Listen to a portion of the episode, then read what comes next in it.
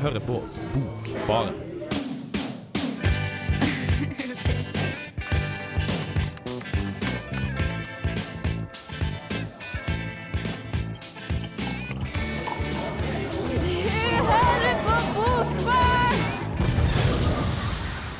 God, god, god kveld, alle kjære krokodiller og elefanter og alle andre som hører på Bokbarn. Jeg håper du har det bra. Alle i studio har det bra, i hvert fall. Og vi skal prate om uh, bøker. Og det for aller, aller siste gang, i hvert fall for, eh, for min del. Uh, men mitt navn er i hvert fall Kristoffer Ervik. Med meg har jeg Hanne Malene. Ingrid. Vetle. Hallo! Hei. Vi har vært i studio før sammen, men ikke, det er ikke så ofte at vi er alle sammen på en gang. Nei, det er veldig hyggelig, da. Så det er en det er en så spesiell sending som bare, bare juling. Ja, dette må vi ta vare på, dere. Godt øyeblikk. Men det er vel også siste gangen alle sammen er her. Ja, ja. Du, skal, du skal fortsette, Vetle. Ja, men jeg, jeg kommer jo ikke til å være så mye som jeg gjerne skulle ønske, da. Ah, Og dere forsvinner jo, så jeg er litt spent på hva som egentlig skjer neste Total semester. makeover! Yes! yeah, yeah. Det blir dritbra. Det blir en helt, en helt ny stemning fra, fra høsten av, regner jeg med. Jaggu. Jeg skal komme og plage litt iblant. Kanskje jeg stikker innom en og annen gang, jeg òg. Vi får se. Vi vi klarer aldri å slutte. vi blir til dere 30 uker. Er- Hanne Malene, kjære Hanne Malene, hva i all verden skal du gjøre? i dag? Eh, Jeg skal snakke om en bok som heter 'Så du ikke går deg bort' av Patrick Modiano. Det er han som vant Nobels litteraturpris nå eh, altså sist. Eh, som de egentlig skulle ha på Bokstavelig talt, men så droppa de Bokstavelig talt på samfunnet. Men jeg leste boka likevel, jeg. Ja. Ja, det blir trivelig. Uh, Ingrid? Ja, jeg har lest eh, Milan Kundera, eller Milan Kund altså, Jeg har sagt Kundera hele tiden, men er det Kundera som er rett? Nei, det er? Kundera. I, I min verden så er det det. Jeg fikk plutselig slengt i trynet at det var Kundera, da, så jeg greier ikke helt. Men uansett, da. I hvert fall leste en bok som heter 'Latterens og eh, glemselens bok', som handler litt om latter og glemsel og mye annet rart. Men det er litt vanskelig å samle det, for det er det alltid med Kundera, syns jeg. Så jeg angrer meg alltid litt når jeg velger han og lager anmeldelse ut av det, men ja ja. Men Bra, du- bra du prøver. Prøver, jeg. Uh, Vetle Ja, eh, jeg gikk og tok meg en liten tur på Akademika på Dragvoll og så at det var en bok av eh, Stig Sæterbakken. Um, og han, det er jo et kjent navn. Tenkte at det kanskje var en fordel å ha, ha lest noe av han. Så jeg plukka opp en bok som heter 'Ikke forlat meg'. Og ja, det Den har du med nå? Ja. Skal vi prate om. Ja. Eh, Jeg våkna for en time siden, så har jeg, har jeg laga en quiz som jeg tenkte vi skulle ha helt på slutten. Eh, For oss, liksom. Ja, for dere. Mm. Litteraturquiz. Ja. Ah. ja. men jeg, jeg tenkte om vi skal, vi skal vi danse nå? Dans nå. Det... Vi Skal ikke danse nå, vi skal danse senere. Okay, Tror jeg. det- det Men skal vi ikke danse på hver låt? Nei. Nei, Jo, ja, det skal vi skal også. vi også. Men vi skal ha en egen metaradiodansing. Uh, men før det, i hvert fall. Ja. Så skal vi ha en låt som vi har fått velge. Fordi eh, siden forrige sending Forrige sending så hadde vi egentlig reprise, men da hadde Ingrid bursdag. Eh, og så imellom der så har Johanne, som er vel liksom halvny med fast bokbarn, bursdag. Og på fredag så har Vetle bursdag, og i dag så har vi venninne Tonje bursdag. Og det er ingen av dem som blir 22, men det er veldig mange som har bursdag. Så derfor så måtte vi ha 22 av Taylor Swift, og så er det vår. Så det blir bra.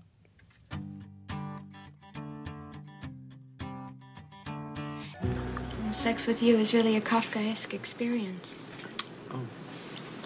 Thank you. Bokbarn. Yes.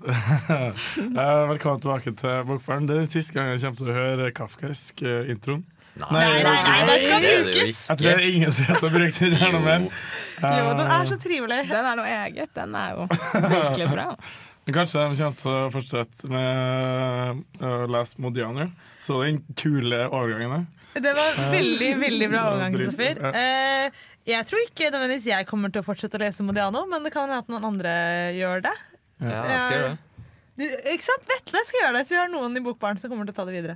Ja, men det er ganske heavy shit, ikke sant? Nei, jeg syns ikke det er så heavy. Jeg bare syns det ikke var Jeg synes det var litt sånn, litt sånn Jeg syns det var litt kjedelig her. Litt sånn, my, det var mye liksom språk som jeg bare følte Det var liksom masse sånn bilder og sånn insektstikk og cellofan som jeg bare litt sånn Ja. Ok. Jeg syns ikke det var så fungerende. Men vi kan snakke kanskje mest om dette etter saken. Ja. Uh, skal vi høre på det nå? Ja. Ja, supert. Telefonen til den aldrende forfatteren John Daragane ringer. En ukjent mannsperson forteller at han har funnet adresseboken hans, og lurer på om han ikke kan få avlevere den til Daragane personlig. Når møtet finner sted, får vi vite at finneren er opptatt av særlig ett navn i adresseboka. Guy Torstell. Et navn som også finnes i Daraganes debutantroman 'Sommerens mørke'. Dette er starten på Patrick Modianos roman 'Så du ikke går deg bort', hvor vi følger en historie på flere tidsplan. Gjennom hukommelsens irrganger føres vi tilbake til Daraganes barndom. Foreldre og verger som forsvant, et år i en mystisk villa med en ung kvinne, en lapp hvor det står 'Så du ikke går deg bort', og adressen til et hotell. En Daragane som debuterer som forfatter nettopp for å finne tilbake til denne barndommen, som allerede tidlig i 20-årene er på vei til å forsvinne, til å gli ut. Han hadde ikke lyst til å lese 'Sommerens mørke' igjen, om det enn ville gi han følelsen av at den var beskrevet av en annen. Han ville bare ganske enkelt be Gilles Sottolini ta kopi av de sidene der det var snakk om Torstel. Ville det være nok til å gjenkalle noe for ham? Han åpnet adresseboken sin på bokstaven T, streket under Gy Torstell 4234055 med blå kulepenn og føyde til et spørsmålstegn ved siden av navnet. Han hadde ført inn alle disse oppføringene etter en gammel telefonbok og utelatt alle som var gått bort eller hadde ugyldige nummer. Og denne Gy Torstell måtte ha sneket seg inn øverst på siden pga. et øyeblikks oppmerksomhet fra hans side. Han ble nesten nødt til å finne frem den gamle telefonboken, som sikkert var over 30 år gammel, og kanskje ville hukommelsen vende tilbake når han fikk se dette navnet sammen med andre navn fra fortiden. Men han orket ikke gå og lete gjennom skuffer og skap i dag, og enda mindre lese Sommerens mørke igjen. Forresten hadde all hans lesing i det siste vært redusert til én forfatter, Buffon. I den glassklare stilen hans fant han en stor fortrøstning, og han var lei for at han ikke hadde latt seg påvirke av ham. Tenk å skrive romaner der romanpersonene kunne være dyr, og til og med trær eller blomster. Hvis noen hadde spurt ham i dag om hvilken forfatter han kunne ha drømt om å være, ville han uten å nøle ha svart en trærnes og blomstenes buffon. Det er ofte ikke i det menneskelige, men i omgivelsene vi finner holdepunktene i hukommelsen. I tider med store sammenbrudd og moralsk fortvilelse var det ikke hjelp i annet enn å finne et fast punkt for å holde balansen og ikke velte over bord. Blikket ditt fester seg ved et gresstrå, et tre, kronbladene på en blomst som du klamrer deg til en livbøye. Slik ser fortelleren tilbake på en historie med flere hull enn nedslagspunkter. Og det er ikke svar du får hos Modiano. NRK omtaler hans forfatterskap som et minneprosjekt, og det er ofte det stoppes opp, reflekteres, dras linjer. Til tider er det litt mye språk, men selv om jeg ikke alltid henger med i billedbruken, har Modiano flere fine passasjer om nettopp tiden som har gått, hvem man er kontra hvem man var, hvordan man forsvinner fra både sosiale situasjoner og fra minner, hvordan man til slutt bare er ett av mange navn i en forslitt adressebok, et ansikt under et tre om sommeren. Eh, Ja, jeg heter Dag Solstad, og dere hører nå på Bokbaren, og der er altså jeg. Det du, det er og Halme Lene, Ingrid og Vetle i Bokbarn. Radio Volt. Kule katta. Vi hørte på saken din. Gjorde vi ikke det? Jo, det gjorde vi. Eh, om Patrick Modiano som har skrevet eh, om en eldrende forfatter. Det fascinerer meg hvor mange bøker som liksom er så bra bøker. Der må det være, jeg fortelleren må liksom være en forfatter, for de er de eneste som klarer å tenke om språk og liv og litteraturen. Ja, tydeligvis. Men eh, herregud, for et, for et flott kontantrum da. har. Å, takk, Kristoffer. Det var det? Det Keith Jarrett med eh, Köln-konserten fra 1962-72, jeg husker ikke helt. Eh, og som jeg egentlig satte på fordi nå begynner vi å nærme oss eksamenstid. Og da har, Dette er min sånn hjemmeeksamens-track, fordi denne konserten varer sånn litt over én time. Så hvis du setter på den, så har du liksom OK, da er den ferdig. Da kan du ta deg en pause. Og, da, og så er det veldig sånn godt arbeidsmusikk. Så det er sånne ting som jeg hører på liksom veldig veldig mange på repeat. Og nå skal jeg liksom egentlig skrive bachelor, så da skal jeg høre på den hele tiden. Jeg håper at det går bra. Ja. Men du, du har en bok om eh, eh, glemming? Eller Ja, er- eller han driver jo liksom Vi følger ham hele tiden på tre tidsplan. Det er liksom nåtidsplanet, og så er det den tiden han var 20 og skulle skrive en bok om eh, hvor han liksom skulle legge ut noen hint til mennesker han kjente i sin barndom, sånn at de skulle komme tilbake så han skulle finne ut mer om sine barndom. Og så bare synes jeg det, det, det Kanskje mitt hovedproblem jeg synes den er litt fiksert. For det er veldig sånn OK, så da du var 20, så skrev du en bok for å liksom komme tilbake til det du var da du var liten. Men når du er 60, så har du glemt alt igjen. Så når en person sier et navn som på en måte er tilknyttet dette universet som du prøvde å finne igjen da du var 20, og som du på en måte også hadde litt kontakt med fortsatt da, så husker du ingenting av det. Så tenker jeg at Hvis du har liksom vært så opptatt av å en gang lete det opp, så er det veldig merkelig at du plutselig bare skal glemme alt igjen. Og så er liksom hele boka veldig sånn, Du skal ikke ha noe svar. Det bare sånn, det bare slutter og sånn.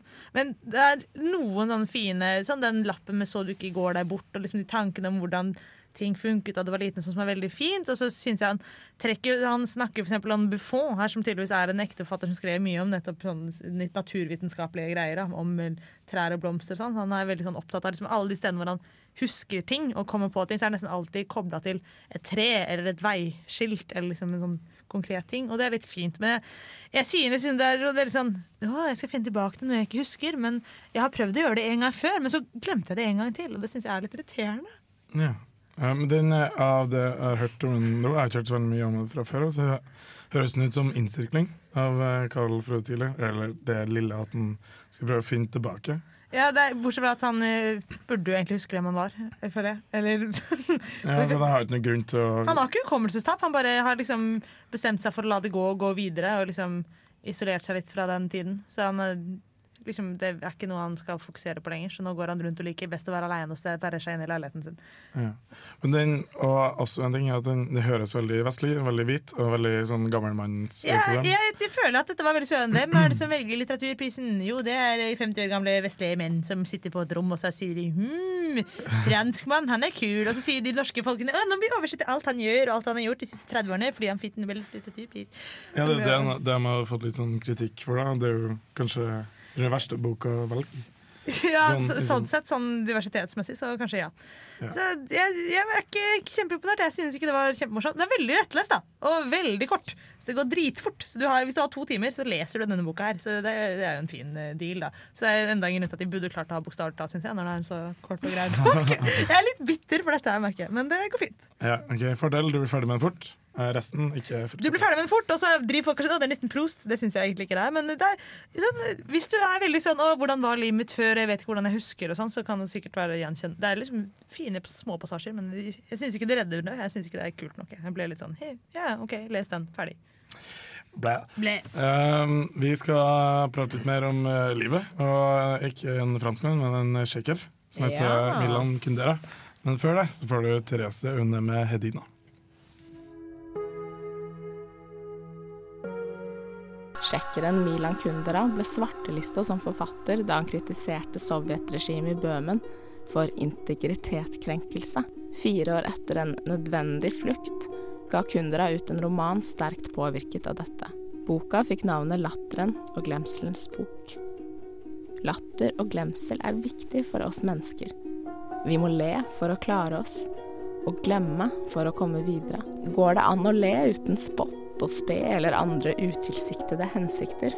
Kan vi være bunnløst gode og le samtidig? Latter? Er det da ingen som tenker på latteren?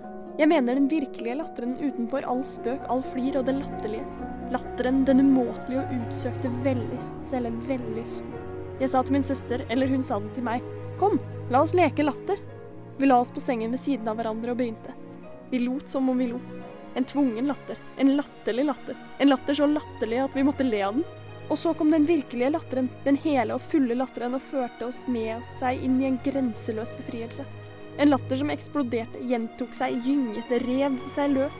Latterutbrudd så herlige, stolte, vanvittige. Vi lo i det uendelige av latteren over vår egen latter. Å, latter. Vellystens latter. Latterens vellyst. Å le, det er å leve så dypt. Det er mye å holde styr på. Og jammen ikke lett å vite hvor angrepspunktet ligger i denne anmeldelsen. Likevel er det noen gjennomgående temaer som vi kan feste litt oppmerksomhet på. Menneskets kamp mot makten er historiens kamp mot glemselen. Dette sitatet er også brennende aktuelt for enkeltmenneskets historie. Skal Mirek få makten over seg selv, må han glemme den heslige Sedena. Hun straffer ham fordi han elsker henne som en intellektuell. Men dette er hans eneste utvei for å skjule sin egen svakhet, nemlig at han ikke turde å ta sjansen på noe penere. Noen mennesker innprentes i vår historie på en sånn måte at vi nesten ikke kan eksistere uten det. Og som vanlig for gutta, eller mannens syn på kvinnen, noe fordomsfullt, gjennomgå. Karel klarer ikke å la være å bedra kona si. Finnes det noen vei utenom, eller er determinismen regjerende kraft? Og hvor går grensa mellom det som er oss, og de egenskapene som kan forandres uten at vi mister oss selv?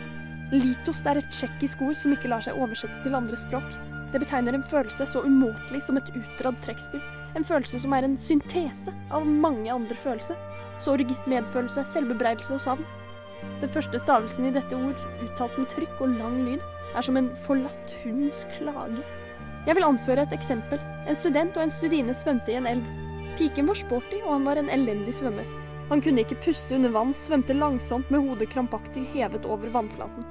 Piken var ellevill av forelskelse og var så taktfull at hun svømte like langsomt som ham. Men da badingen snart var slutt, ville hun innfri sin gjeld til sine sportslige tilbøyeligheter og stevnet med raske tak mot stranden på den andre siden. Studenten forsøkte å svømme hurtigere og fikk munnen full av vann. Han kjente seg nedverdiget og følte den slags mismodighet som kalles litost. Han husket sin sykelige barndom uten idrett og uten kamerater, under morens altfor omsorgsfulle oppsyn, og hadde trang til å fortvile seg over seg selv og sitt liv. Da de gikk over markedet og innover byen, var han taus. Han var såret og nedverdiget, og fikk en uovervinnelig lyst til å slå henne. Hva er i veien? spurte hun, og han bebreidet henne at på den andre siden av elven var det jo dragsug, at han hadde forbudt henne å svømme dit, at hun kunne ha druknet, og han slo henne i ansiktet. Piken brast i gråt, og da han så tårer i hennes ansikt, følte han medynk med henne, omfavnet henne, og hans litost løste seg opp. I likhet med det tsjekkiske ordet litost, som ikke finner noen norsk sjelevenn i oversettelse, og vi må ty til eksempler og historier for å forstå, kan budskapet og tematikken sjelden samles i noen knappe ord. Kunderas romaner er nok aller best på å sette i gang tankeprosesser oppi hodene våre. Han fabulerer om det ene og det andre, men er mye bedre på å stille de gode spørsmålene enn å finne de gode svarene. Men så skal det sies at han tar tak i spørsmål som det er lite trolig at det finnes noen skikkelig lure svar på. Jeg er nok av den ulla som tror at litteraturen setter spor i oss og påvirker hvordan vi ter oss og tenker senere i livet. Likevel er det noen som setter dypere og mer varige inntrykk. Mange bøker gir gode retningslinjer i svært spesifikke situasjoner, og som historiske emneknagger. Og de er helt supre akkurat der. Kundera derimot, og en god gjeng, et lite knippe andre, tar tak i generelle, evige spørsmål og utvider horisonten. Og lærer deg å tenke, og lærer deg å se. Det virker kanskje rart, og jeg vet at jeg deler han med veldig mange andre potensielle fans. Men jeg tror på et eller annet vis at vi nesten er venner. Akkurat som at vi har hatt den gode samtalen. Kundera har klart det. Han har tatt eh, innholdet fra bøkene opp av boka og ut i verden. Han har forandra hvordan jeg ser verden. Lært meg en lekse som jeg tror er det nærmeste jeg noen gang kommer Kundera-fasiten, nemlig menneskelig nysgjerrighet. Uh, hi, it's Jakob Mensti, and you're listening to Bookbaren at Radio World.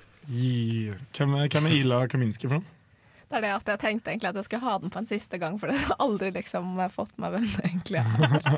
Men jeg bare syns jeg liker den stemmen og engelsken og Var det her Vida sier sånn 'great thanks'? Nei. Sa han det nå? Um, jeg, jeg tror ikke det. Nå blander jeg kanskje med en annen. Jeg bare syns alt er så hyggelig. Det er en av dem som Vida, som var med i Bokbarn før, alltid sier sånn 'great thanks', og så løper hun og ler litt, og det er så koselig. Men også tok jeg kanskje feil. Var litt rask i svingene. Eh, men Ingrid, vi, Ja. eh, i starten av semesteret så hadde vi med Gundera, eller blander jeg frekkelig? Ja, bare at det var semesteret. Semesteret Altså, før. semesteret før. Men på den der Best of-sendingen som eh, ble laget, så var det jo Kundera som, eh, som jeg hadde med, ja. Mm. Da ble den valgt ut. Men da var det udødeligheten da, som handlet om uh, hvordan man skal være udødelig, forskjellige måter å angripe det spørsmålet på, og det passa jo veldig bra til fadderuka og ny oppstart i Trondheim. Så det var derfor jeg tok med den da på første sending. Så det ga mer smak? Eller? Ja, jeg har lest flere bøker av han, da, og jeg føler egentlig litt det jeg og Hanna har fall snakket om før. Jeg vet ikke om dere gutta har lest noe av han, har dere det? Lest den mest inntil. Den uh, Ja. Tilværelsens letthet. Mm. Ja. Men man føler litt at uansett jo flere jeg leser, eh, at de går litt i hverandre, også fordi mange av dem har mange småhistorier i seg, og ikke alltid så lett å finne ut av sånn helt presist hva handler denne om. Eh, men på en måte hvis du liker det språket og liker det universet, så føler du virkelig at eh, så har det ikke så mye å si at du ikke greier å skille dem fra hverandre så lenge Kundera er med. Da. Det sa jeg jo litt sånn på tull i den anmeldelsen min også, at jeg føler egentlig litt at Kundera har liksom virkelig påvirka litt hvordan jeg tenker at Akkurat som at vi har hatt en god samtale sammen. Han er en sånn type forfatter som bare som er med meg hele tiden. da, Som ikke bare er når jeg liksom skal oppsøke en bestemt situasjon og da tenke at denne boka har jeg lest som passer til denne situasjonen, men heller at hans tankesett da, er med meg ofte. Sitter litt på skulderen min og sier Ingrid, han, sånn må du analysere han, og sånn må du se på henne, og sånn det kroppsspråket skal du tolke på den og den måten. da. Ja, for jeg fikk jo for meg da jeg leste den eh, tilværelsens bla, bla, bla.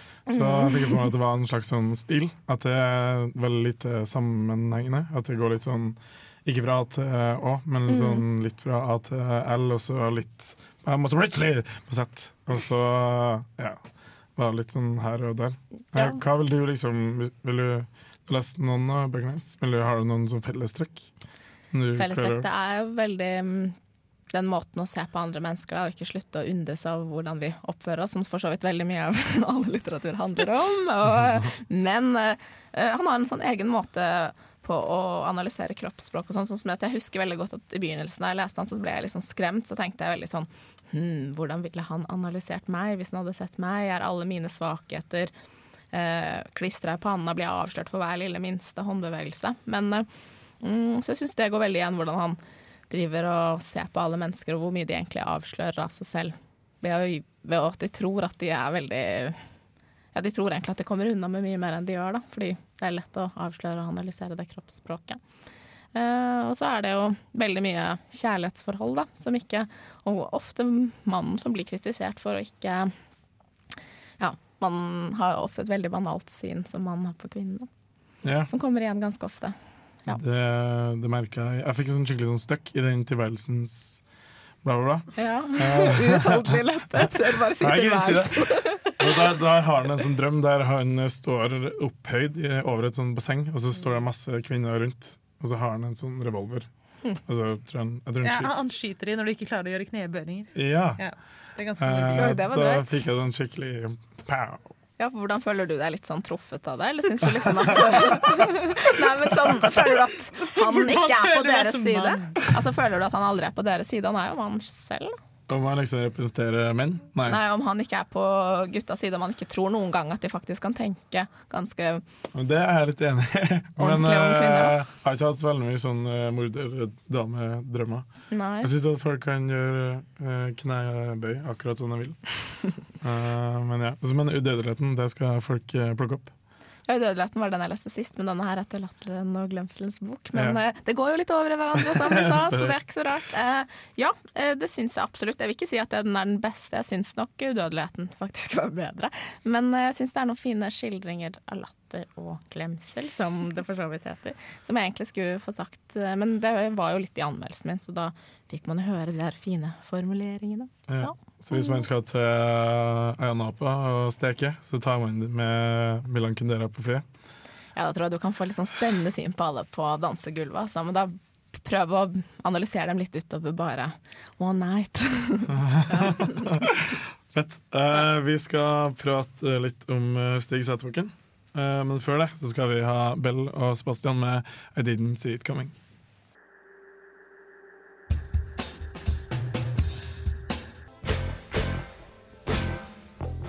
Jepp, dette er Frode Grøtten.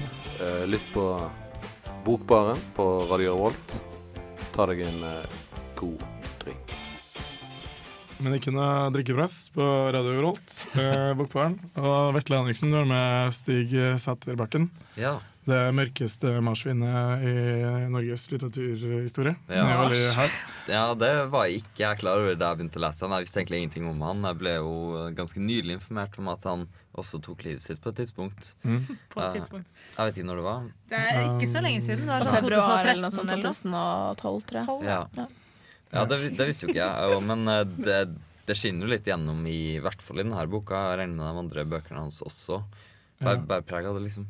Det er den romanen du har med. Hva heter den, boka? Uh, 'Ikke forlat meg'. Ja. Så den, den tittelen oppsummerer egentlig hele boka. Uh, rett og Jeg kan jo fortelle litt, eh, litt om hvordan jeg opplevde å sitte og lese om han fyren her. Altså, som uh, er desperat i sin første kjærlighet, kjærlighetsforhold sammen med en jente som er veldig sånn chill, uh, veldig free spirit, mens han er jo ikke det. Og han er utrolig redd og sjalu.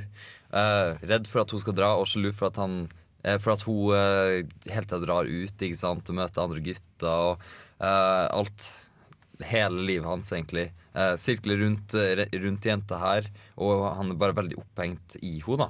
Og eh, alt kan vel oppsummeres i at han ikke vil at hun skal forlate han. Um, Og eh, det som er litt morsomt, da, som jeg nevner i saken min eh, etterpå også, så eh, skrives, skrives boka i omvendt kronologisk rekkefølge. Mm. Det har jeg ikke sett, sett før, så, så du blir egentlig satt inn i en situasjon eh, hvor, hvor alt er ferdig, og så får du vite hvor, hvordan han har kommet dit han er nå i livet. Eh, og det, det som på en måte er litt morsomt, da, er at, er at jo lenger tilbake i tid du kommer, jo nærmere på en måte starten du kommer, da, eller slutten av boka, så blir det bare rarere og rarere, som er at det blir veldig mørkt og veldig Du, du forstår hvor disturbed eh, hvor Forstyrra. han er, da. Så han, han sliter veldig mentalt og sånn. Eh, Ja. Uh, Seinfeld har en eh, episode som går fra bak eh, Ja, okay.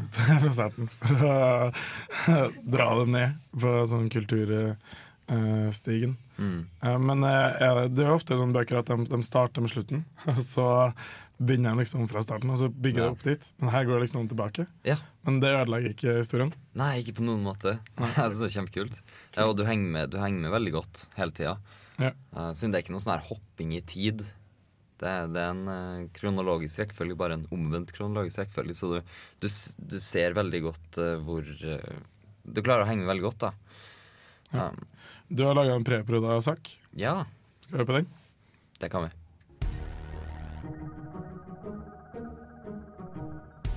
For 17 år gamle Aksel Molander blir møtet med Amalie selve vendepunktet i livet. Ikke bare opplever han forelskelsens store eventyr, han introduseres også for en ny og fremmedarta verden, som får han til å se med andre øyne på alt rundt ham. Som i en rus løftes han ut av seg selv, sin ensomhet og sitt personlige mørke. Det er en omvurdering av alle verdier, en innvielse til alt som gjør livet verdt å leve. Men i skyggen av den store kjærligheten truer sjalusien og redselen for å bli forlatt. Når du våkner i grålysningen, er du helt omtåket. Sitter lenge oppreist i sengen og stirrer før rommet faller på plass rundt deg. Men en uro i kroppen forteller deg at det er noe som ikke stemmer. At noe er galt. Du kikker rundt deg. I det fargeløse lyset er alt forandret. Noen må ha flyttet dere mens dere sov. Du snur deg og ser på henne. Hun ligger på ryggen med åpen munn og den ene armen rett ut. Rykket bort fra denne verden. Med en svak pipelyd gjennom nesen. Du ser på henne og vet at verden er forandret. At det som eksisterte for bare noen timer siden, aldri vil komme tilbake. At noe er tatt bort. At noe er fjernet. Og at noe nytt, noe du ikke visste fantes, er kommet til et sted. Den første store kjærligheten. Høres kjent ut? Vel, Setebekken fører deg ut i ukjent terreng og til en leseropplevelse ulik noe annet. Livets gang blir fortalt i omvendt kronologisk rekkefølge. Altså åpner romanen etter alt er ferdig, og sakte, men sikkert vandrer vi tilbake i tid. Dessuten holder romanen seg til en du-form, noe som er nokså unikt.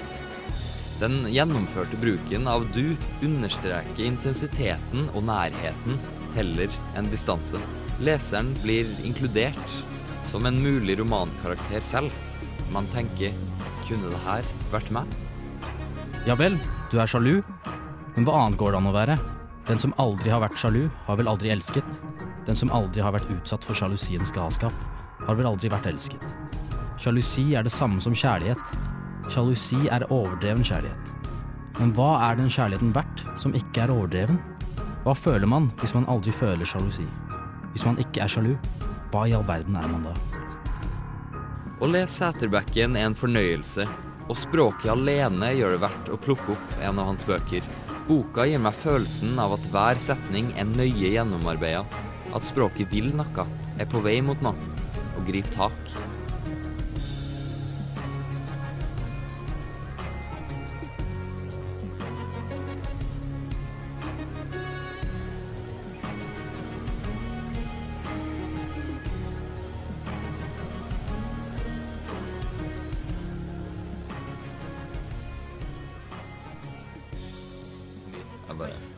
Ja, så bare uh, Hva vi hørt på saken din, Vet- eh, Vetle? Ja. ja. Din uh, Siste saken for semesteret. Ja. Av- Eh, som jeg sier, så syns jeg det er en utrolig god bok. Jeg likte den veldig godt, men samtidig så, så var den ganske merkelig, da. Den er ikke for hvem som helst. Så hvis at du har lyst til å gå inn i hodet til en litt sånn forstyrra fyr som er helt ja, litt slitsomt eh, desperat til tider, men, eh, men jeg har lyst til å samtidig Jeg vet ikke Ja, virkelig, da sette inn en helt, eh, helt annen måte å se verden på. Eh, inn i Jeg vet ikke hvor gammel han er, sånn cirka videregående, tredje videregående, da. Um, ja, så syns jeg man burde, man burde gi seg ut på det hvis man Ja, rett og slett hvis man tør å gå inn i en så rar, forvridd eh, mentalitet. Uh, men ja, det er, ikke, det er ikke noe hvem som helst kan sitte og kose seg med. da Nei. Men det er ganske interessant. Tungt, tungt skyts. Yes. Ja. Eh, jeg har lyst til å lese lese Jeg tror jeg andre har også.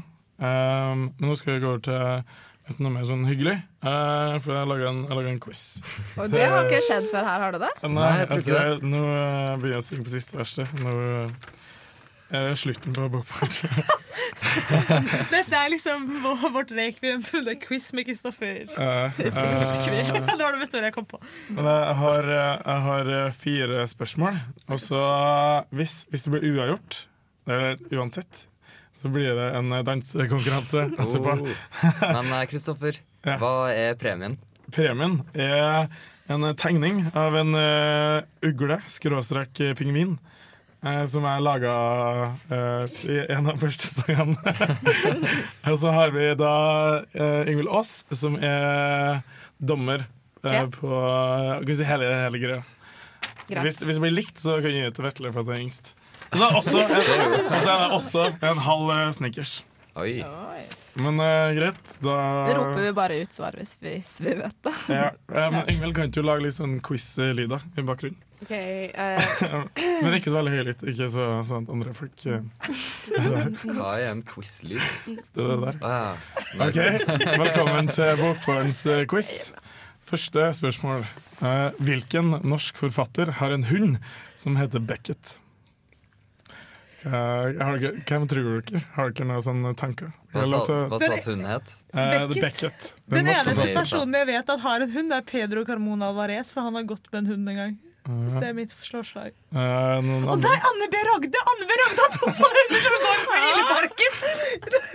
Fan av Illeparken med de hundene sine. Som heter Eh, Beckett. Kjenner dere, til den norske forfattere som er fan av Beckett? Jeg tror vi har pratet, eller Før jeg var tatt opp i Bokbarn, sendinga før, så prata uh, Bokbarn om eh, den personen her. Gå tilbake, hvem prata vi om da? Eh, Første sendinga mm, mm, mm, mm. Um, si, vi kan eh, redusere det og si at det er en dame. Uh, det kan si at uh, navnet hennes høres ut som ikke helmelk og ikke lettmelk, men uh, skum. Er det Skomsvold? Det er skumsvoll.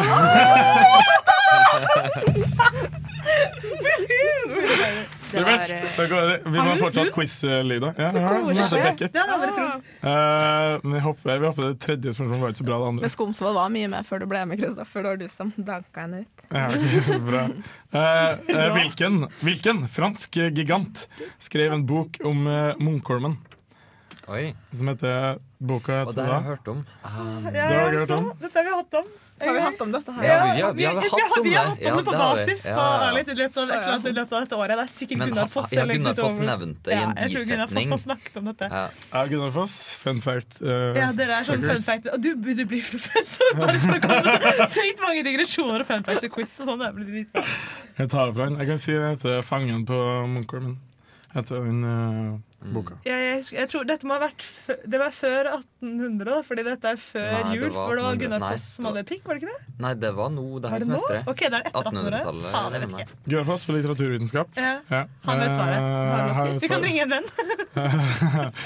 uh, han har samme initialer, initialer som eh, William Hage. William Hage Auden. Uten den H-en i midten uten dobbel V. Så det er til BH, initialene. En fransk eh, gigant. Ja. Victor Hugo. Ja, var det bra? Ok, Siste spørsmål. Eh, hvilket år vant Aldous Huxley Nobelprisen? Det er ikke bra, det der. Alice Huxley skrev eh, 'Brave New World'. Blant annet. Og Plant med andre. Jeg leste Brave New World, det hjelper ingenting. 19... Mm, 50? Det gjetter Almene. Ingrid gjetter. 3. Okay, 1963. 63.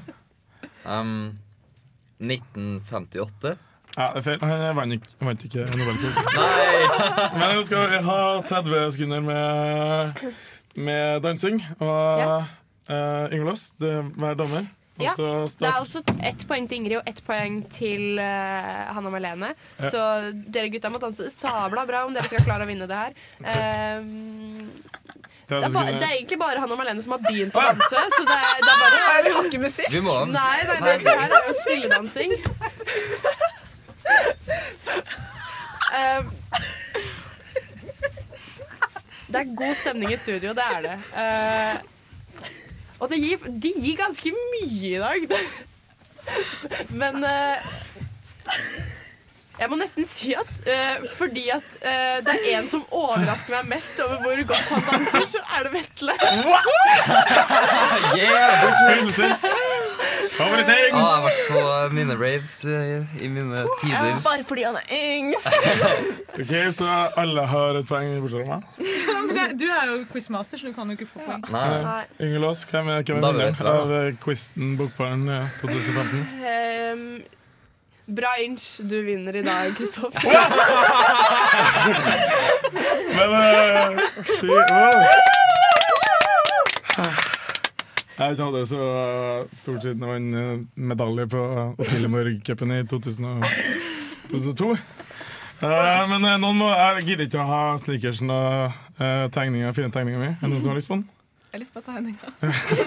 Noen som har lyst på sneakers? Ja. Det Tusen takk. bra. Det ble Eh, middag så alle sammen også. kan klappe seg på skuldra. Yngvås og Anne-Lene og alle sammen. Alle bra. Uh, vi skal ha mer blasting etter Bleachers med Roller Coaster.